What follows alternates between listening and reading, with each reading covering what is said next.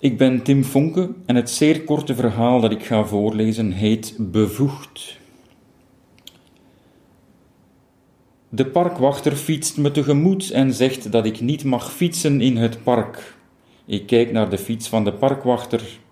Voor mij is dat anders, verklaart hij. Ik ben bevoegd.